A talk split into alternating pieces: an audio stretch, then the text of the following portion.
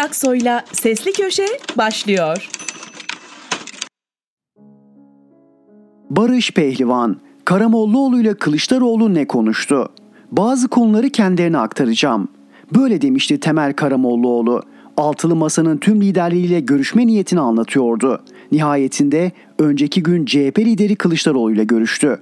Peki neydi o bazı konular ne konuştular? Hem Saadet Partisi hem de CHP kulislerinde bu sorunun yanıtını aradım. Hatırlayın seçim yasası değişince Karamollaoğlu 3. ittifak olabilir çıkışı yapmıştı. Altılı masa dağılmadan Saadet, Deva, Gelecek ittifakı demekti bu. Dahası Karamollaoğlu iki partinin Saadet çatısı altında seçime girmesini arzuluyordu.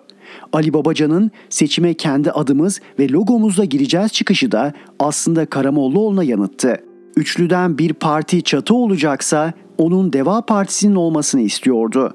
Gelecek Partisi lideri Ahmet Davutoğlu ise daha sıcaktı üçlü ittifaka. Hatta ve hatta Davutoğlu'nun partisini kurar kurmaz Saadet'le birlikte hareket etmek istediği konuşuluyordu. O günlerde hem Karamollaoğlu'nun hem de Oğuzhan Asil Türk'ün daha erken dediği öne sürülüyordu. İşte deniyor ki yeni yasayla gündeme gelen 3 partinin birlikteliği rafa kaldırılmış değil. Halen gündemde. Karamollaoğlu'nun asıl niyeti yalnızca Babacan ve Davutoğlu ile görüşmekti. Lakin sonra bu planı tüm altılı liderlere doğru dönüştü. Özetle Karamollaoğlu ile Kılıçdaroğlu'nun buluşmasının sırrı burada yatıyor. Saadet lideri üçlü ittifakın kurulması için CHP lideriyle de istişareler yapıyor. Kulislerde bu çaba en çok vekil hangi yöntemle çıkacaksa ona çalışılıyor diye tarif ediliyor. Mesele Babacan'ın ikna edilmesinde kilitli görünüyor. Bitirmeden yazayım. Altılı masaya yakın oturan kurmaylar arasında şu görüşü de işittim. Altılı Masa'nın güçlendirilmiş parlamenter sistemden sonra ortaya kuvvetli bir hedef koymaması ileride güven kaybı yaratabilir. Daha fazla vakit kaybetmeden teknokrat görüntüden çıkıp milletin duymak istediği konuların karara bağlanması gerek. Tabanları şimdiden seçimi hazırlamak için ittifak meselesinin netleşmesi lazım. Urfa'da neler oluyor? Gece yarısı açıklanan listede birinci sırada onun adı var. Abdullah Erin. Şanlıurfa'nın valisi değil artık yeni görevinin mülkiye baş müfettişliği olduğuna Cumhurbaşkanı karar verdi. Yani kıza çekildi. Aslında o da uzun zamandır istifa etmek istiyordu. Çünkü Urfa'da siyasetin devleti esir almasına artık dayanamıyordu, kurtuldu.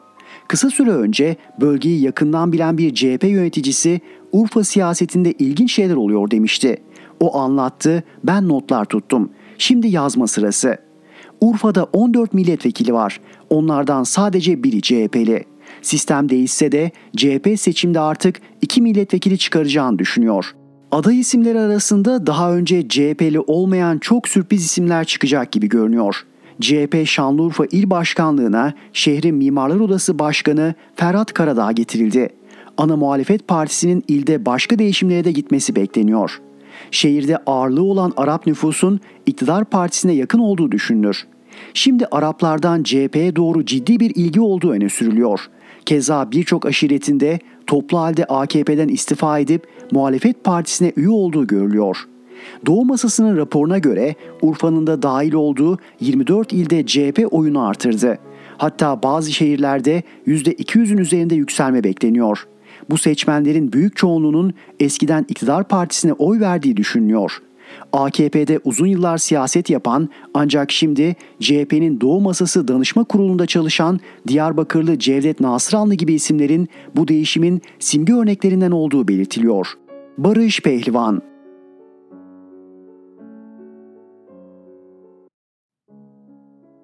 Fatih Altaylı Anlaşıldı seçim dönemine girdik. Doktor Canan Kaftancıoğlu'na verilen ceza bir şeyi gösterdi. Türkiye'de seçimlerin startı verildi. Artık seçim atmosferindeyiz. Şimdi sırada başka davalar var. Tabii ki herkesin izlediği ve bildiği Demirtaş davası. Muhtemelen o da müebbet hapise sonuçlanacak. Ardından Anayasa Mahkemesi'ndeki HDP davası var. Parti kapatmaya karşı bir partinin iktidarında kapatılan parti olmak HDP'ye nasip olacak. Muhtemelen burada zamanlama önemli olduğu için bekleniyor ve tabii bir de Anayasa Mahkemesi Başkanı'nın yaklaşan emekliliği ve elbette altın vuruş olarak da İstanbul Büyükşehir Belediye Başkanı hakkında açılacak olan davalar ve ardından gelecek olan görevden alma. Tüm bunlarda hesaplanan şey siyasi etki. Kararlar buna göre veriliyor, zamanlama buna göre yapılıyor. İktidar sözcüleri Canan Kaftancıoğlu davasının sonuçlarıyla ilgili olarak dosyaya bakın her şey hukuka uygun diyeceklerdir. Biliyorsunuz Kaftancıoğlu 10 yıl önce yazdığı bazı sosyal medya mesajları için 2 yıl önce açılan bir davada yargılandı ve mahkum edildi ve siyasi yasaklı hale getirildi.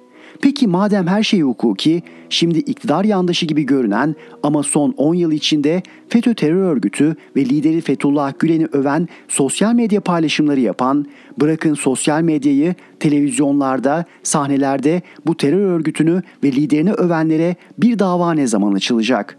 O zaman son 10 yıl içinde PKK terör örgütünü övenler, elebaşını büyük lider diye selamlayıp övgüler düzen tweetler atanlar ne olacak? Onların yargılanmaması da hukuka uygun mu olacak? Yoksa zaman aşımı diye kapatılacak mı? Bundan böyle bu ülkede geçerli olan hukuk galiplerin ya da muktedirlerin hukuku mu olacak? Her hukuk adalet midir? Geçmişte 16 hukukçunun yargılandığı çok ünlü bir dava vardır. Bir dönemin en güçlü, en önemli, en etkili 16 önemli hakimi ve avukatının uluslararası bir mahkeme önüne çıktığı toplamda 12 dava. Bu davada sanık hakimler ve avukatlar tüm kararlarını mevcut yasalara uygun olarak verdiklerini, yasaları hazırlayanın kendileri olmadığını söyleyerek savunma yaptılar. Ancak bu savunma onları kurtarmadı. Mahkeme sanıklara adalet sağlamayan yasalarla yargılama yapıyor olmak bir hukuk adamının adil olmayan kararlar vermesinin gerekçesi olamaz diyerek mahkum etti. Kendilerini savunan hukukçular muktedirin adaletini uyguladıklarını savunmuşlardı. Onları mahkum eden mahkeme ise galiplerin adaletini uygulamıştı. Utanmıyor musun? Ben adamlara kızmıyorum. Ben onların eşlerine, çocuklarına kızıyorum artık. Yaşını başına almış kazık kadar adam. Kızı hatta torunu yaşındaki bir kadın sanatçının göğüslerine takmış kafayı. Belli ki bu yönde bir takıntısı var. Çünkü geçmişte de Adnan Oktar'ın oturak alemlerinde boy göstermiş. Bir genç sanatçının aylar haftalar önce giydiği bir kıyafetin dekoltesi belli ki aklına nakşedilmiş. Çıkmış televizyon programında kadını ve giyimini suçluyor. Dediğim gibi ben bu adamlara kızmıyorum. Ben bunların ailelerine kızıyorum. Bu adam eve gittiğinde karısı kızı, hadi onlar yapamıyorsa anası bacısı, ulan torunun yaşındaki kızın göğüslerine göz dikip televizyon programlarında onun bunun memesinden bahsetmeye utanmıyor musun diye buna bir ayar vermezler mi ya? Sana ne kardeşim kimin ne giydiğinden? Biz seninkine karışıyor muyuz? Ya da yarın iktidar değiştiğinde birisi gelip sana bir giyim tarzı dayatsa hoşuna gidecek mi? Beğenmiyorsan bakmazsın. Rahatsız ediyorsa izlemezsin diyeceğim ama rahatsız olmadığım belli. Bundan rahatsız olsan Adnan Oktar'ın bol dekolteli oturak alemlerinde ne işin vardı? Hurafe. Türkiye'yi yönetenler ya da idare edenler ekonominin en basit kurallarını tersine çevirebilecekleri konusundaki inançlarını koruyorlar. İnançlı olmakta elbette bir mahsur yoktur. Yeter ki inanç bilime ters olmasın. Mesela en basitinden bir tayyareyi inançla uçuramazsınız. Atomu inanarak parçalayamazsınız. Ekonomide de öyledir. İnançlı olmaz. İstediğiniz kadar inanın, paranın maliyetini düşürdüğünüz anda o parayla satın alabileceğiniz şeylerin fiyatını artırırsınız. Ev almak için gereken paranın fiyatını düşürürseniz, evin fiyatı, otomobil almak için gereken paranın maliyetini düşürürseniz, otomobilin fiyatı artar. Konut kredisi maliyetini düşürünce konut fiyatını artırana kızarak ekonomide işleri yoluna koyamazsınız. Her gün akaryakıta zam yapıp maliyetinin önemli bir bölümü lojistik ve enerji maliyeti olan ürünün fiyatındaki artışı marketçinin aç gözlüğüne bağlayamazsınız. Ortalama ücretin 6000 TL civarında olduğu bir ülkede 28000 TL aylık kredi taksidi ödeyerek ev almayı kolaylaştırmakla insanları mutlu edemezsiniz. Ne olur hacklenmiş olsun. Emniyet Genel Müdürlüğü'nün sosyal medya hesaplarını kim yönetiyor ya da yanıt mekanizmasını kim çalıştırıyorsa ilginç bir tarzı var. Belli ki devlet geleneği nedir, devlet adabı nedir pek bilmiyor. Sürekli atarlı giderli bir tarz. Zannedersin devletin çok ama çok önemli bir kurumunun sosyal medya hesabı değil de bir ergenin ya da bir trolün sosyal medya hezeyanları. Son olarak Canan Kaftancıoğlu'na destek veren eski bir emniyet mensubuna yönelik bir paylaşım yaptılar ki yok daha neler dedirtti. Lütfen Emniyet Genel Müdürlüğü'nden birisi çıkıp hesabımız hacklenmiştir diye bizi rahatlasın. Ama tabii ki böyle bir şey olmayacak. Hatta şimdi bir atarlı yanıt da bana verecekler. Emin olabilirsiniz. Celal'den mektuplar. Birkaç gün önce yazdığım sansür başlıklı yazımdan sonra dostum Celal Şengör bir mektup yolladı. Paylaşayım. Sevgili dostum, muhtemeldir ki sen de bilirsin ama bugün sana Alman komedyen, aktör ve yazar Werner Fink'i hatırlatmak gereğini duydum. Fink, özellikle Nazi Almanyası döneminde ülke yöneticilerine yönelttiği hicivlerle büyük şöhret yapmış, özgürlüğüne dokundurtmadığı gibi ceza da almamıştır. Bir günlüğüne işgüzar polisler tarafından Erster-Wegen konsantrasyon kampına yollanmış fakat sık sık hicvettiği Hermann Göring'in emriyle derhal tahliye edilip hürriyeti kendisine iade edilmiştir. Aşağıda sana sadece iki kabare skecini yazıyorum. 1. Fink elinde Hitler'in çerçeveli bir portresiyle sahneye çıkar. Karar veremiyorum. Onu asayım mı yoksa duvara mı dayayım? Burada duvara dayamak iki anlamlıdır. Duvara dayamak aynı zamanda kurşuna dizmek demektir. Asmakta portreyi duvara asmak olarak da anlaşılabilir, Hitler'i idam etmek olarak da anlaşılabilir. 2. Fink elinde 3 domuz heykelciyle sahneye çıkar. Domuzların ikisi büyük, biri küçüktür. Bu Man ailesi, bu çocuk Man, bu bayan Man, bu da Bayman. Burada Bayman da çift anlamlıdır. Herman hem Bayman olabilir hem de Herman olarak Herman Göring'i kastediyor olabilir. Yani Göring'e domuz denmiş olabilir ki bu Almanca'da hakarettir. Fink'in buna benzer nice kelime oyunlarıyla Nazi büyüklerini tiye aldığı hatta onları hakaret sayılabilecek sözlerle aşağıladığı skeçleri vardır.'' Halk Kültürü ve Propaganda Bakanı Doktor Göbels'in tüm çabalarına rağmen Fink tutuklanmamış, hatta cephedeki askerleri eğlendirmek için gönüllü olmuş, Fransa, Rusya ve İtalya cephelerinde görev yaparak meşhur Demiraç nişanını kazanmıştır. Cephedeki hicivleri Göbels'i sinirlendirmiş, Göbels Fink'in Gestapo'ya teslim edilmesini istemişse de bunu gerçekleştirememiştir. Siyasi hiciv Nazi Almanyası'nda bile varlığını koruduğuna göre Türkiye'de korumaması için herhalde hiçbir sebep yoktur. Ne zaman adam oluruz? Liderler para değil mutluluk dağıttığı zaman. Fatih Altaylı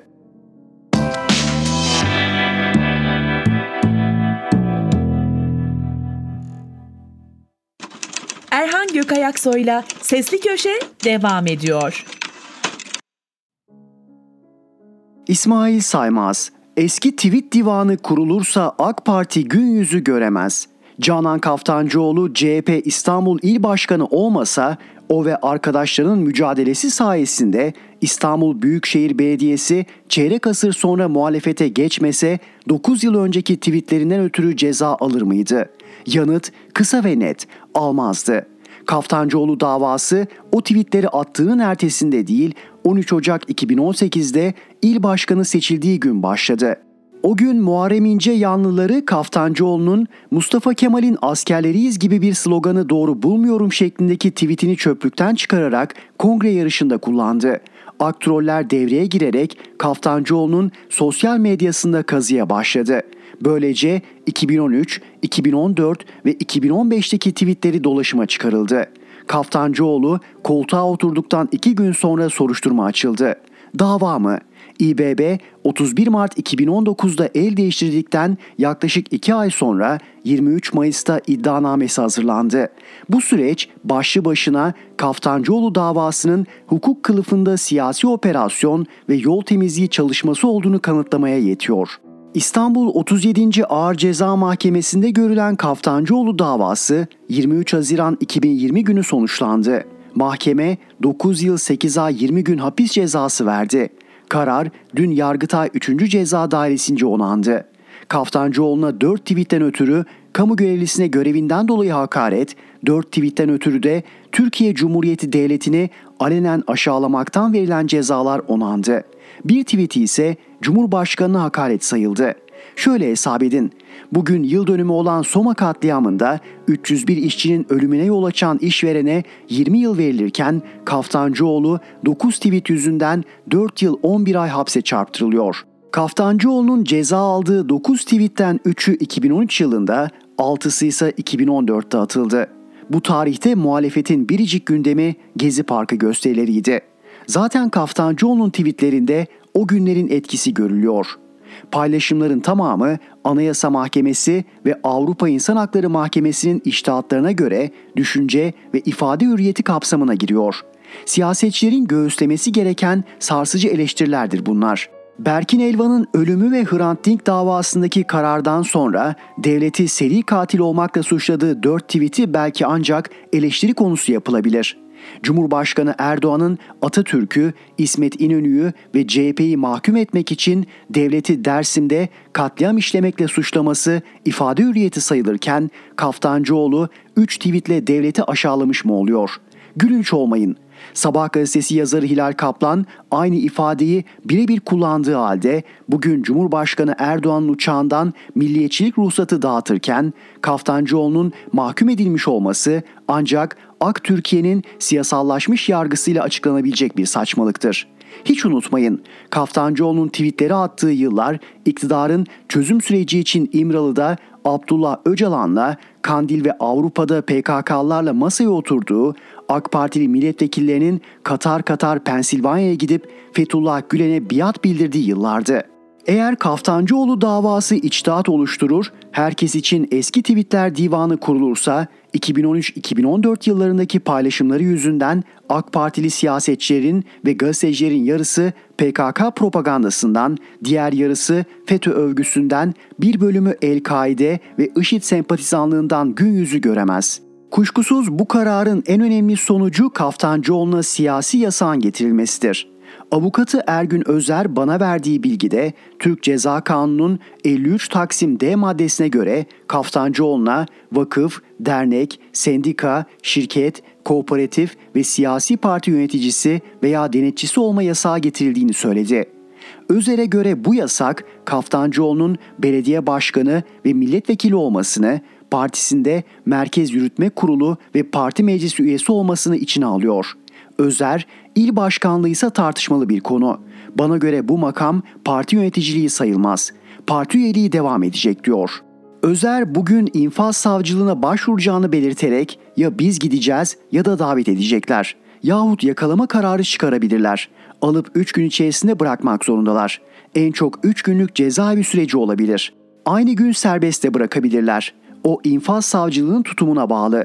İmza tedbiri getirebilirler diyor. Özer karar düzeltmesi için başvuracaklarını sonuç alamadıkları takdirde Anayasa Mahkemesi'ne ve Avrupa İnsan Hakları Mahkemesi'ne gideceklerini belirtiyor. Sırada İmamoğlu ve HDP'liler var. Kaftancıoğlu davası yargısal yollarla siyasi tasfiye operasyonudur.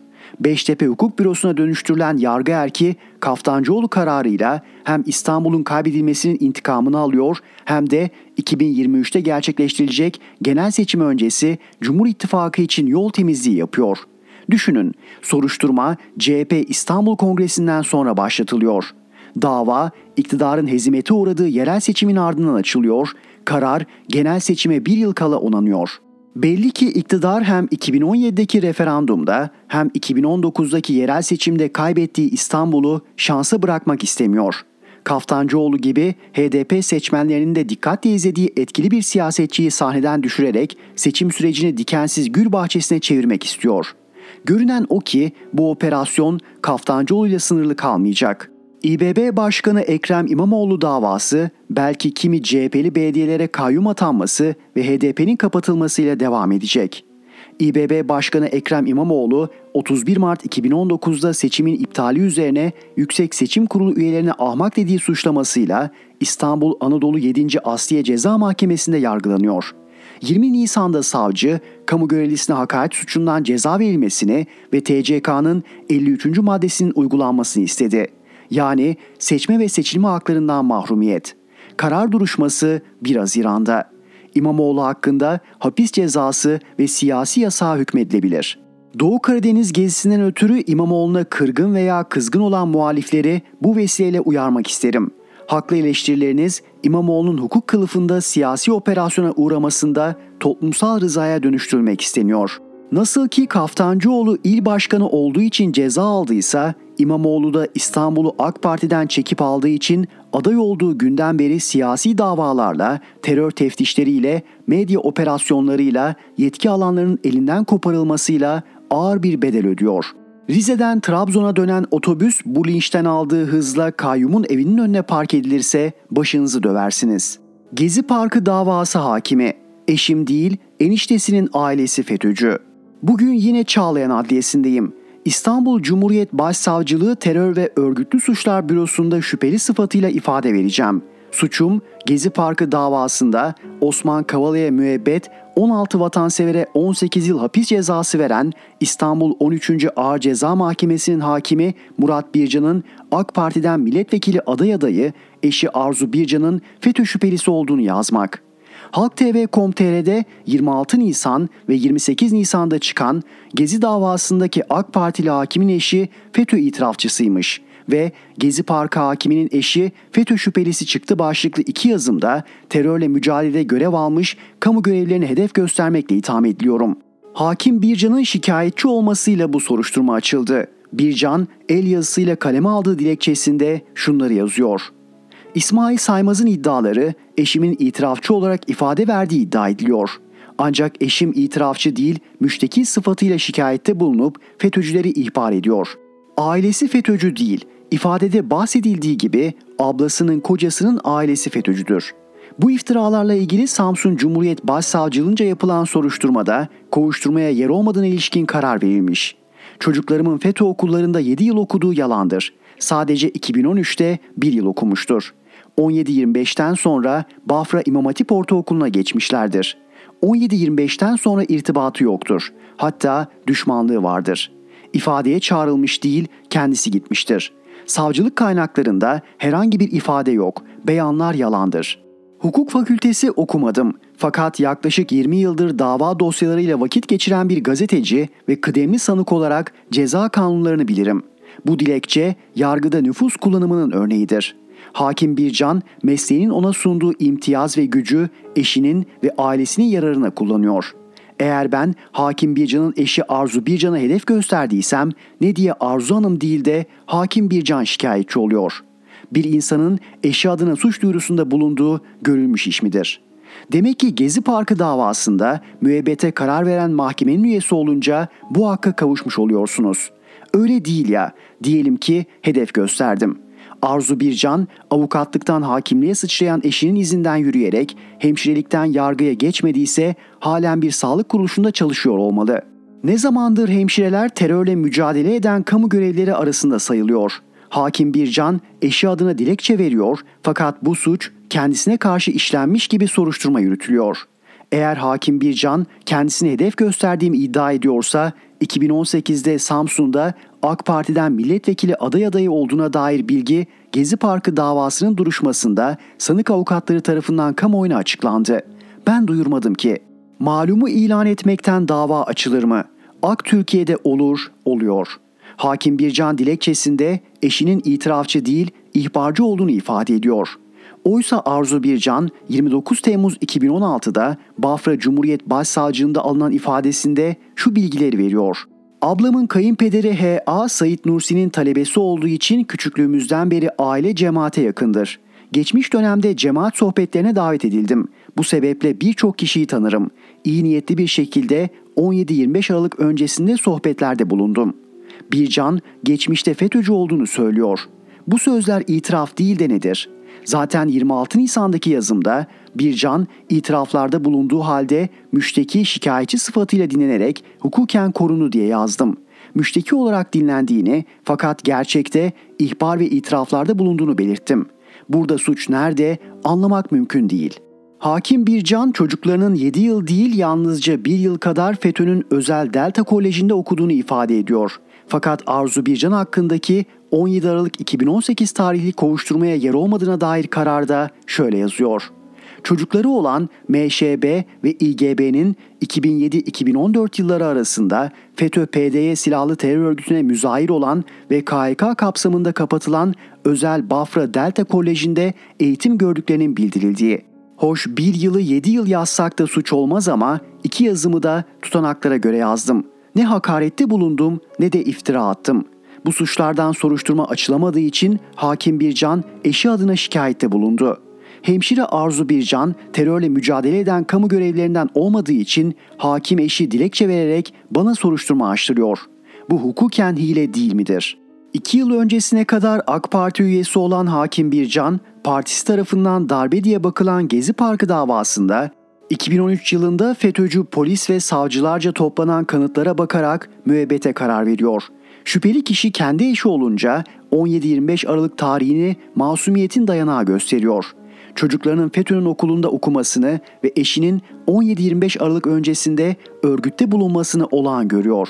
Öyle ki eşim değil eşimin eniştesinin ailesi FETÖ'cü diyebiliyor, bu ilişkiyi iltisak saymıyor.''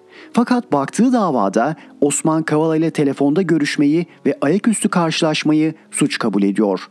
Esasen hakim Murat Bircan'ın bir ağır ceza mahkemesindeki yeri hakim kürsüsü değil olsa olsa avukatlara ayrılan bölüm olabilirdi. Gel gör ki yargı erki Beştepe Hukuk Bürosu olarak hizmet verdiği için hakimle avukatın, davalıyla davacının yeri artık değişti. Gezi Parkı davasında görüldüğü üzere siyasi hüküm vermeleri için partizanlar ve müritlerden mahkemeler kuruluyor. Bugün siyaseten ihtimaldir ki yarın şeren de karar verecekler. Bu yazım savcılığa vereceğim ifademin bir örneğidir. Bugün yine Çağlayan Adliyesi'ndeyim. İsmail Saymaz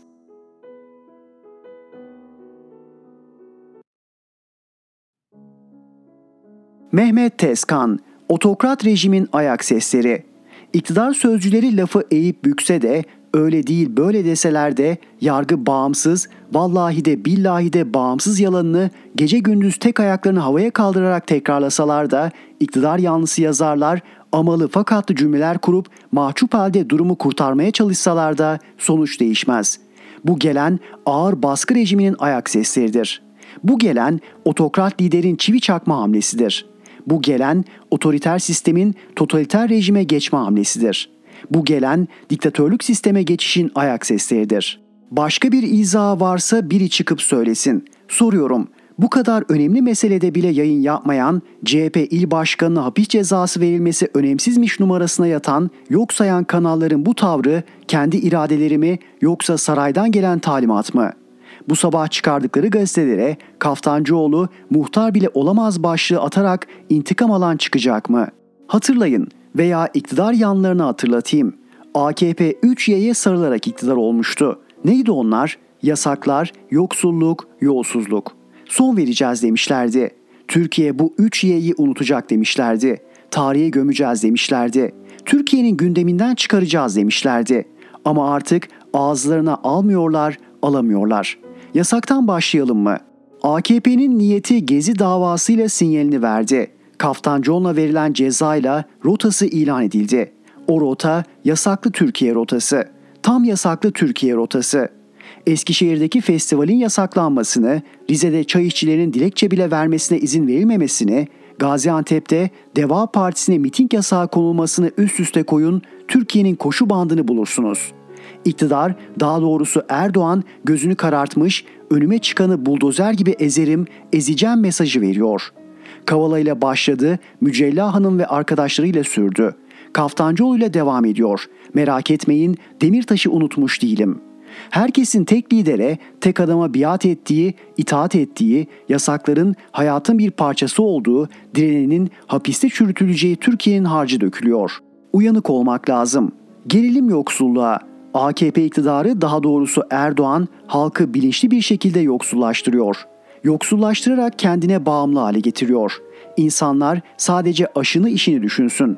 Ekmek bulan şükretsin, bir ötesini talep etmesini istiyor. Din kalkanını çekerek kitleleri yatıştırmaya, din yapışkanını kullanarak insanları bir arada tutmaya çalışıyor. Ne diyor? Bu bir imtihan. Neyin imtihanı? İmtihanı kim yapıyor? Rabbimizin bizi sınadığını söylüyor ama yoksullaşmamızın sebebi Rabbimiz değil Erdoğan. Onun takıntıları ekonomi bilimine aykırı aldığı kararlar. Bir de saraya taşındıktan sonra zengin sever hali. Partisini Zenginler Partisi yapması. Gelelim 3. Y'ye. Yolsuzluklar konusunda elimizde güçlü belge yok. Katı tek adam rejimlerinde belge bulmakta zordur zaten. Ama iki buçuk yıldır tek uçağın inmediği Balıkesir Havaalanı'nın neden yapıldığı bazı şeyleri açıklamaya yetmiyor mu? Veya İçişleri Bakanı Soylu'nun İstanbul Büyükşehir Belediyesi'nin hazırladığı yolsuzluk iddiası taşıyan dosyaları kaçırması kuşku yaratmıyor mu? 3Y'nin son Y'sine ışık tutmuyor mu? CHP'liler yıllarca söylüyor ama bu kez gerçek olacak galiba. 3Y ile gelen AKP'yi 3Y götürecek. Mehmet Tezkan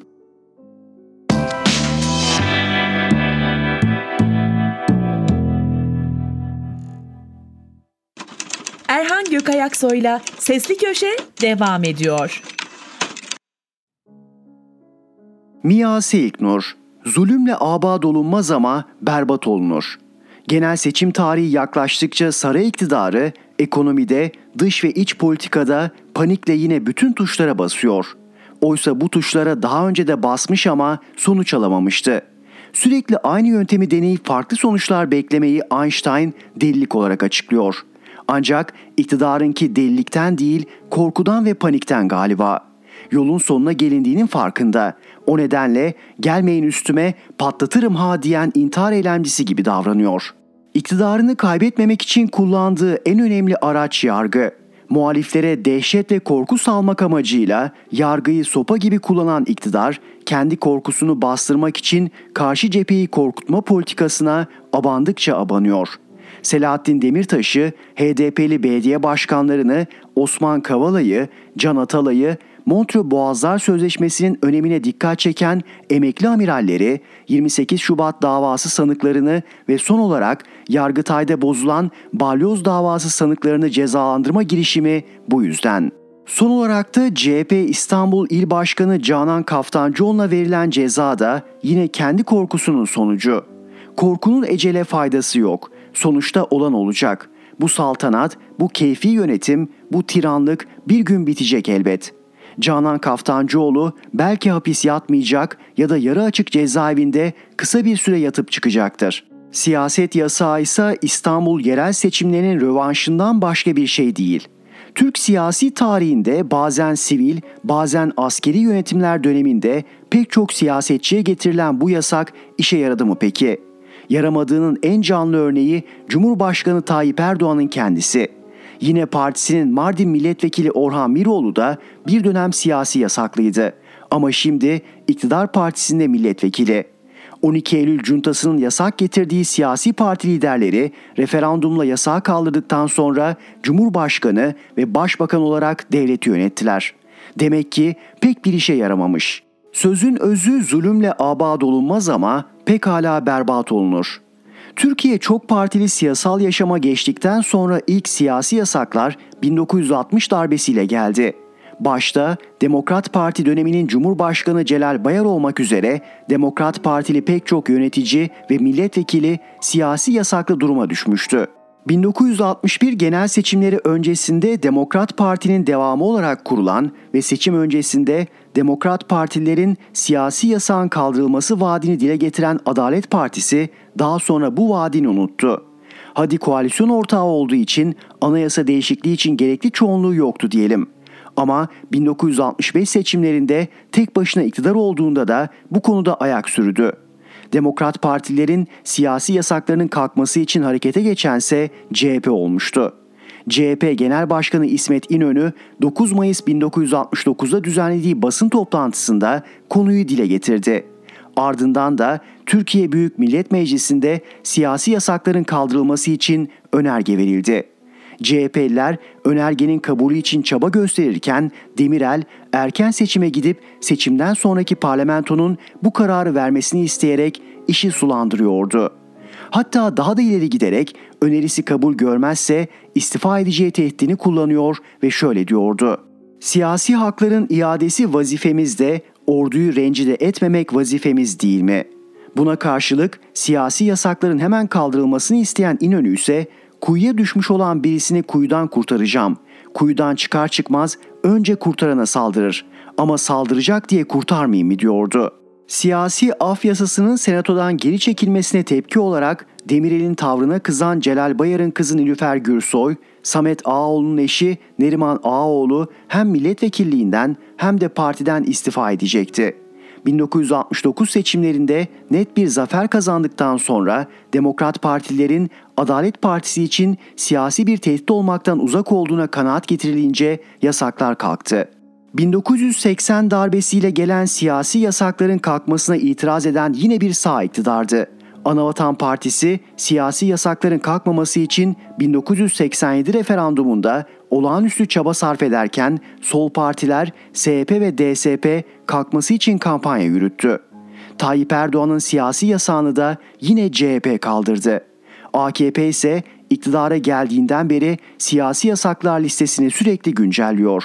Ağız dolusu bu yasakçı CHP zihniyeti diye haykıranlar hani özür? Cumhuriyet bir çınarını daha kaybetti. Sami Karaören abiyi kaybetmenin hüznünü yaşıyoruz. Miyasi İknur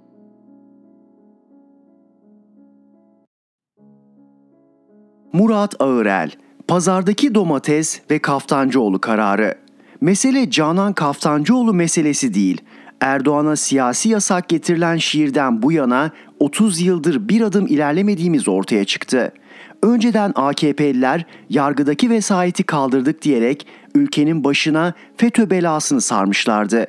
Şimdi de yargıda vesayeti kendileri kurarak mahkemelerden politik kararlara imza atıyorlar. Türkiye Cumhuriyeti'nde mahkemeler Türk milleti adına karar verir. Ancak şimdi ne yazık ki AKP adına karar veren yargı düzeni kuruldu. FETÖ döneminde hukukun örgüt amaçları doğrultusunda nasıl kullanıldığını yaşadık gördük. Mesele herkese eşit ve adil olması gereken hukukun siyasi bir aparat olarak kullanılması yargının bağımsızlığı meselesidir. Daha önce eleştiri yazıları yazmıştım kendisi hakkında. Görüşlerimiz, düşüncelerimiz farklı.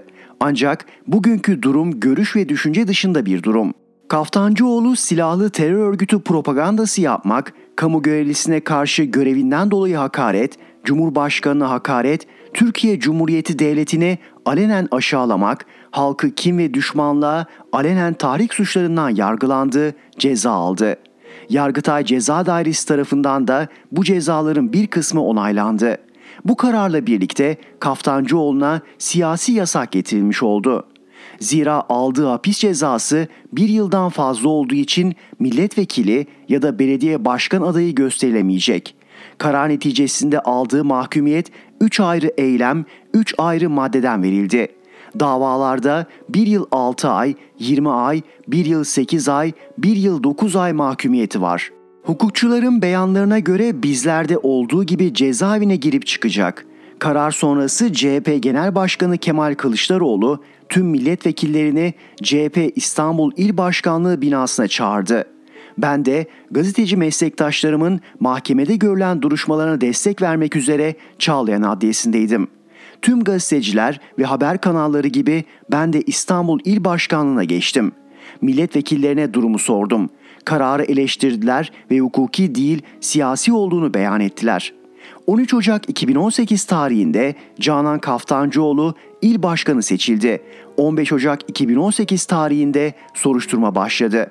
2019 İstanbul seçimleri kazanıldıktan hemen sonra da iddianame hazırlandı. Bugün geldiğimiz durumda 2013 yılında sosyal medyadan paylaşılan tweet mesajları.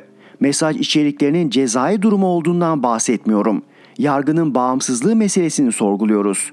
Çünkü madem 9 yıl önce paylaşılan mesajlara ceza verilebiliyor ve hukuk herkese eşitse o zaman hemen Kaftancıoğlu mesajlarıyla aynı içeriklere sahip birkaç tane mesaj aklımıza geliyor. Hemen hatırlayalım. Sakarya Fırat TRT'de değil miydi? Ayrıca cemaat bu ülkenin başına gelen en iyi şeylerden biridir. Beni başkalarıyla karıştırmayın. Bu yazıyı okuyup da başı öne eğilmeyen yoktur sanırım.'' Diyorlar ki devlete katil deme. Olur, seri katil. Devlet JITEM'e terör örgütü desin, Kürtlerden de PKK'ya terör örgütü demelerini bekleyebiliriz o zaman. TSK gerçekten peygamber ocağı olsaydı Arife günü kan döker miydi? Sayın Öcalan demeyi ve PKK bayrağı açmayı suç olmaktan çıkardık. Öcalan'ın mesajları bizim de düşüncemiz. Bebek katil denilen Öcalan bize geleceği gösterdi.'' PKK terör örgütü değildir, Öcalan'a terörist demek denize göl demektir. O kadar çok ki bu tür mesajlar. Sakine cansız adlı teröristin öldürülmesinin ardından cenazesinin Diyarbakır'a getirilmesinden sonra gazetelerin manşetleri. Hepimiz barışız. Kürsüden barış sloganları aykırıldı. Beyaz güvercinler uçuruldu. Diyarbakır'daki barışın gövde gösterisi tüm Türkiye'nin umudunu yansıttı. Gazetecisinden siyasetçisine eski tarihli mesajlar basit bir aramayla karşınıza çıkar.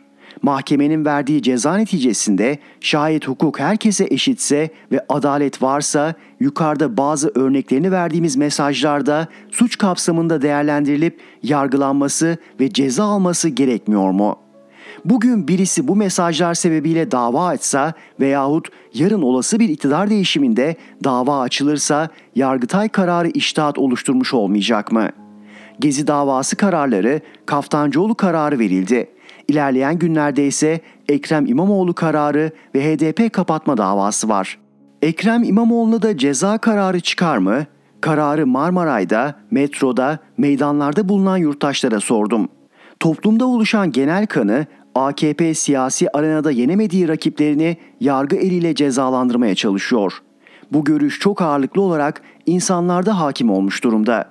Aslında her şey tek tek baktığınızda büyük bir resmin parçası.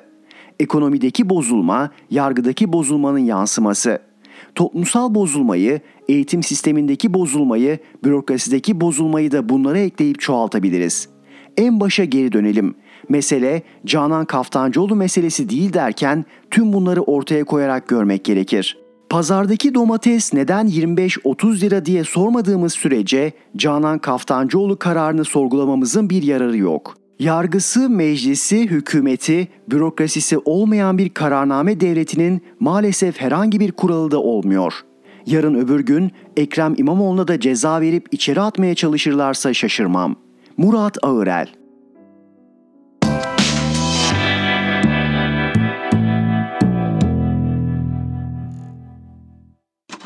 Erhan Gökayaksoy'la Sesli Köşe devam ediyor. Müyesser Yıldız Onlar Suriye'de devlet kuruyor, biz biriket ev.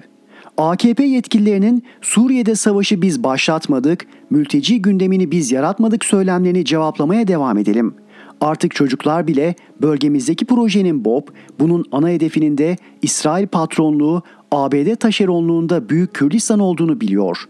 Aralık 2015'teki bir raporla başlayalım. Raporu hazırlayan Pentagon için araştırmalar yapıp planlar hazırlayan, özellikle Türkiye ile ilgili öngörüleri neredeyse birebir gerçekleşen meşhur Rand Corporation'dı. Bu defaki raporu Suriye için barış planıydı ama içinde yine Türkiye vardı. En can alıcı kısmı Suriye'nin hükümet, Kürtler, Sünni muhalif gruplar tarafından kontrol edilen bölge ve IŞİD bölgesi olarak dörde bölünmesi önerisiydi ve bizi yakından ilgilendiren bölümleri şöyleydi. Dış güçler kendilerine dost olan bölgelerde görev yapabilirler. Rus kuvvetleri hükümet bölgesi için en aşikar çözümdür.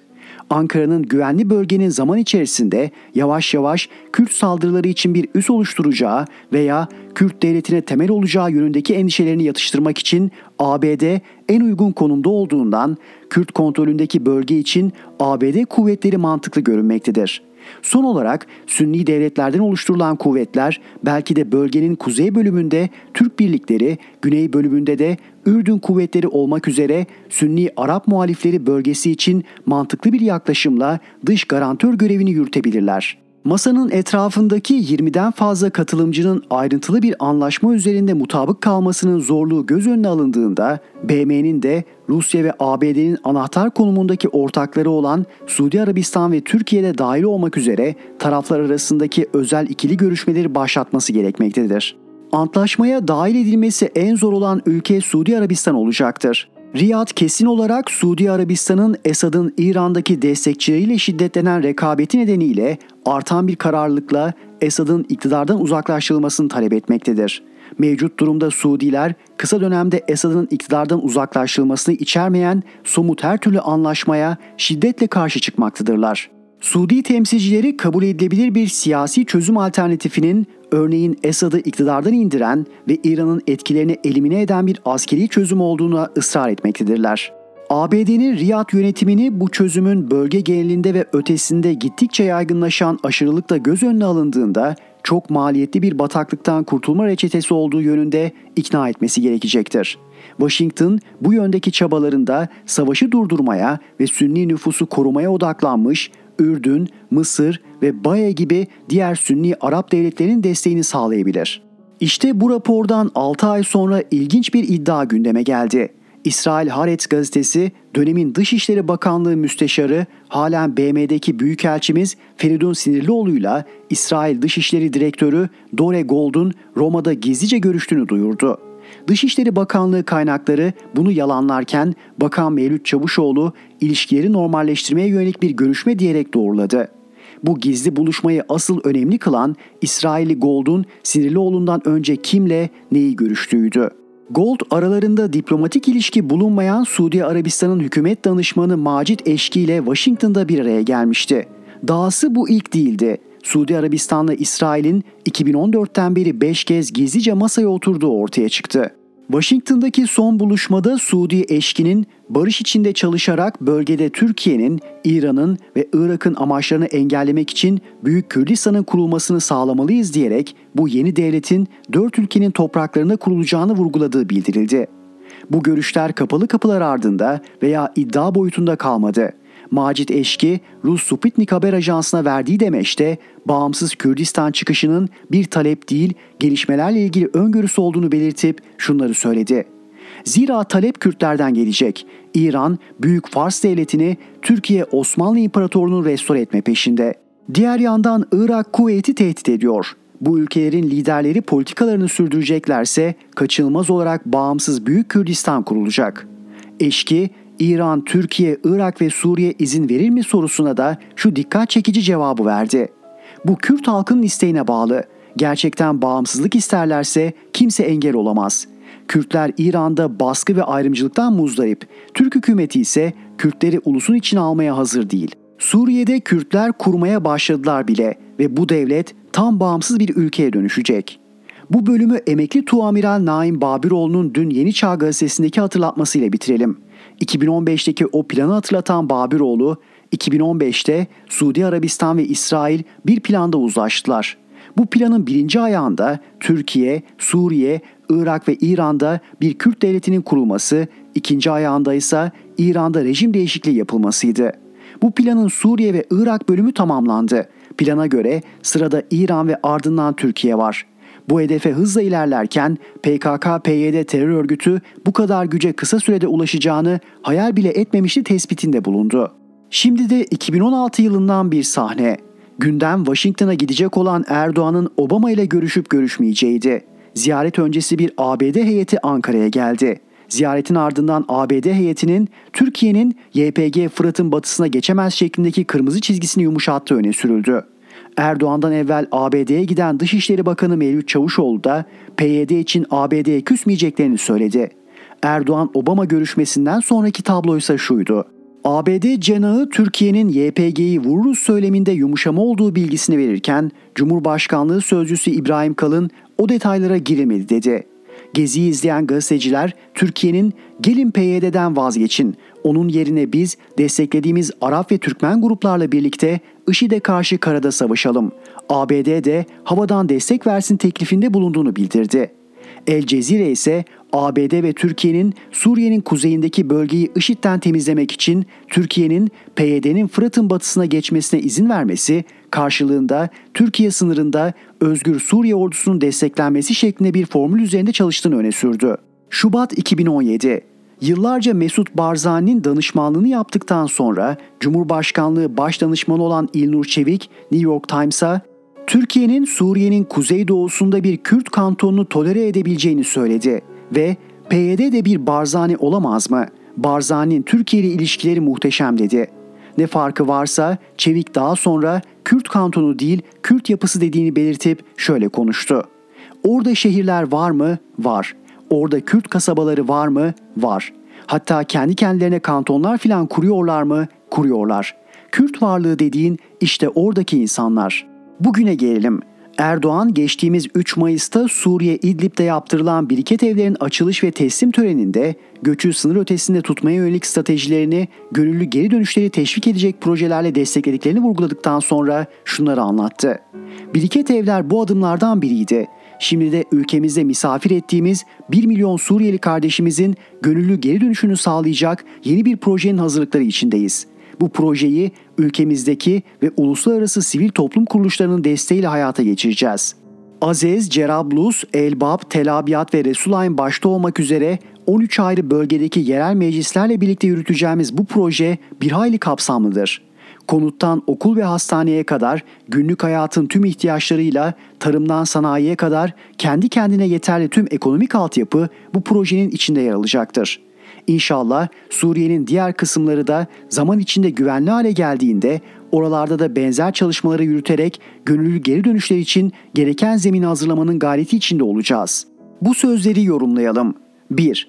Ankara'nın mali yardım konusunda en çok bel bağladığı AB'nin Suriye'de demokrasiye gerçek bir geçiş olmadan yeniden yapılanmaya finansal destek sağlama niyetinde olmadığı biliniyor.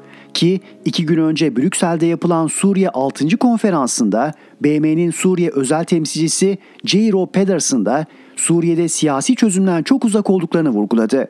Öyleyse Erdoğan'ın söz ettiği bu proje yine Türk milletinin sırtına yıkılacak demektir. 2. 13 bölgede yerel meclis Suriye'nin toprak bütününü destekliyoruz söylemiyle çelişmiyor mu? En önemlisi bu uygulama ana gövdesini terör örgütü PYD-YPG'nin oluşturduğu Suriye'nin kuzeydoğusundaki yapılanmayı Türkiye'nin de fiilen legalleştirilmesi ve kabul etmesi anlamına gelmez mi? 3. Türkiye açısından dedik. Zira bilindiği gibi Suriye'nin kuzeydoğusunda yer alan ve Kuzey ve Doğu Suriye özel yönetimi olarak adlandırılan o yapılanma birçok ülkede temsilcilik açtı. Son olarak ABD Dışişleri Bakanlığı'nın geçen ay açıkladığı 2021 Suriye İnsan Hakları raporunda tam 15 kez SANES yani Kuzey ve Doğu Suriye Özel Yönetimi ifadesi kullanıldı. Dahasını vurgulayalım BM'nin Suriye ile ilgili raporlarında da Kuzey ve Doğu Suriye başlığı altında Kuzey ve Doğu Suriye'deki Kürt otoritelerinden söz ediliyor. Özetle önümüzdeki tablo şimdilik şu. Adamlar Suriye'de devlet inşa ediyor, Ankara ise biriket ev. Sonrası mı? Kılavuz inşallah yazının başında aktardığımız rent raporu değildir. Müyesser Yıldız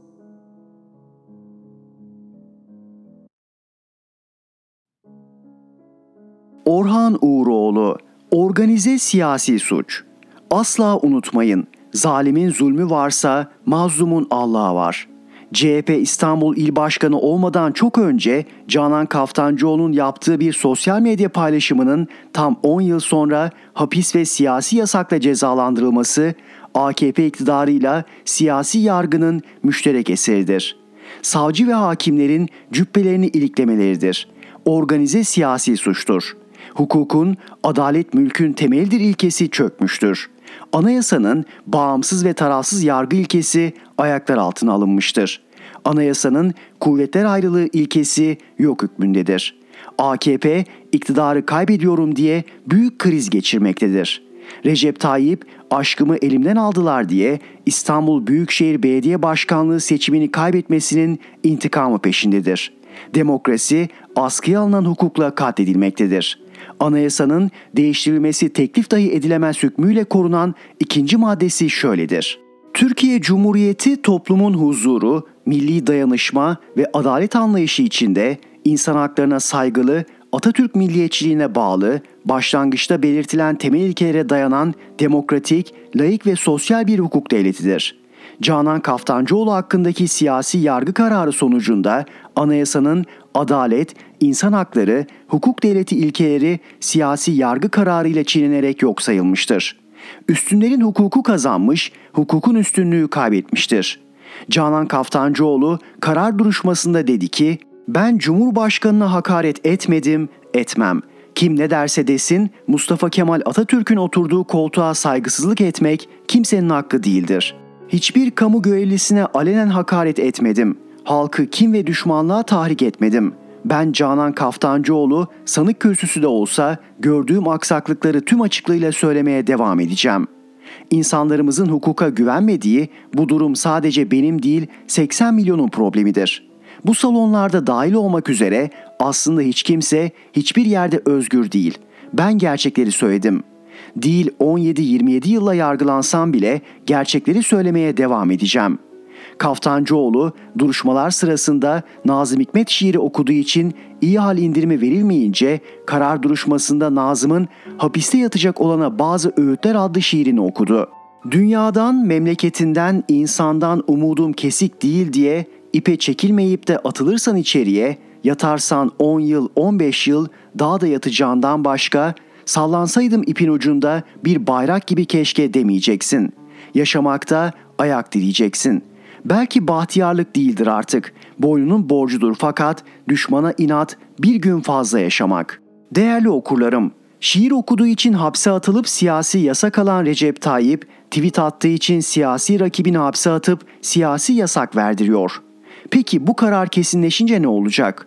PKK ile çözüm sürecini başlatanlar, Oslo, Dolmabahçe görüşmelerini yaptıranlar, Hendek terörüne ve 450 şehide neden olanlar, Ergenekon, Balyoz, askeri casusluk kumpaslarını kuranlar, Kozmiko'da sırlarını teröristlere sunanlar, devleti FETÖ'cülere teslim edenler, 15 Temmuz hain darbe girişimine sebep olanlar, 251 şehide sebep olanlar, Fethullah Gülen hainini yargılayamayanlar, yurtta sulh konseyini ortaya çıkaramayanlar, bebek katili Öcalan'ın mektubunu siyasi amaç için kullananlar, Öcalan'ın İmralı Notları kitabındaki itiraflarının sorumlusu olanlar, terörist Osman Öcalan'ı TRT'ye çıkartanlar, Süleyman Şah Türbesi'ni vatan toprağında koruyamayıp kaçıranlar, vatan toprağı 20 Türk adasının Yunanlar tarafından işgalini görmezden gelenler, Reza Zarrab'dan bağışlar alanlar, rüşvetle yolsuzluklara bulaşanlar, devlet mallarını ihalesiz peşkeş çekenler, seçimlerde ve referandumlarda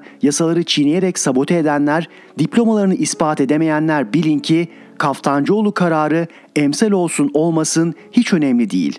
İşlediğiniz tüm suçlar için gerçek, bağımsız ve tarafsız yargının önüne çıkarak yargılanacaksınız.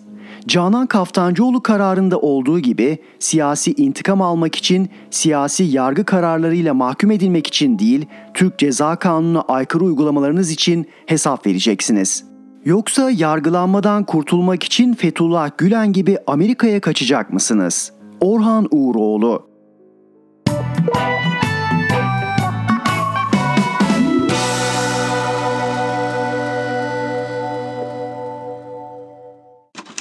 Erhan Gökayaksoy'la Sesli Köşe sona erdi.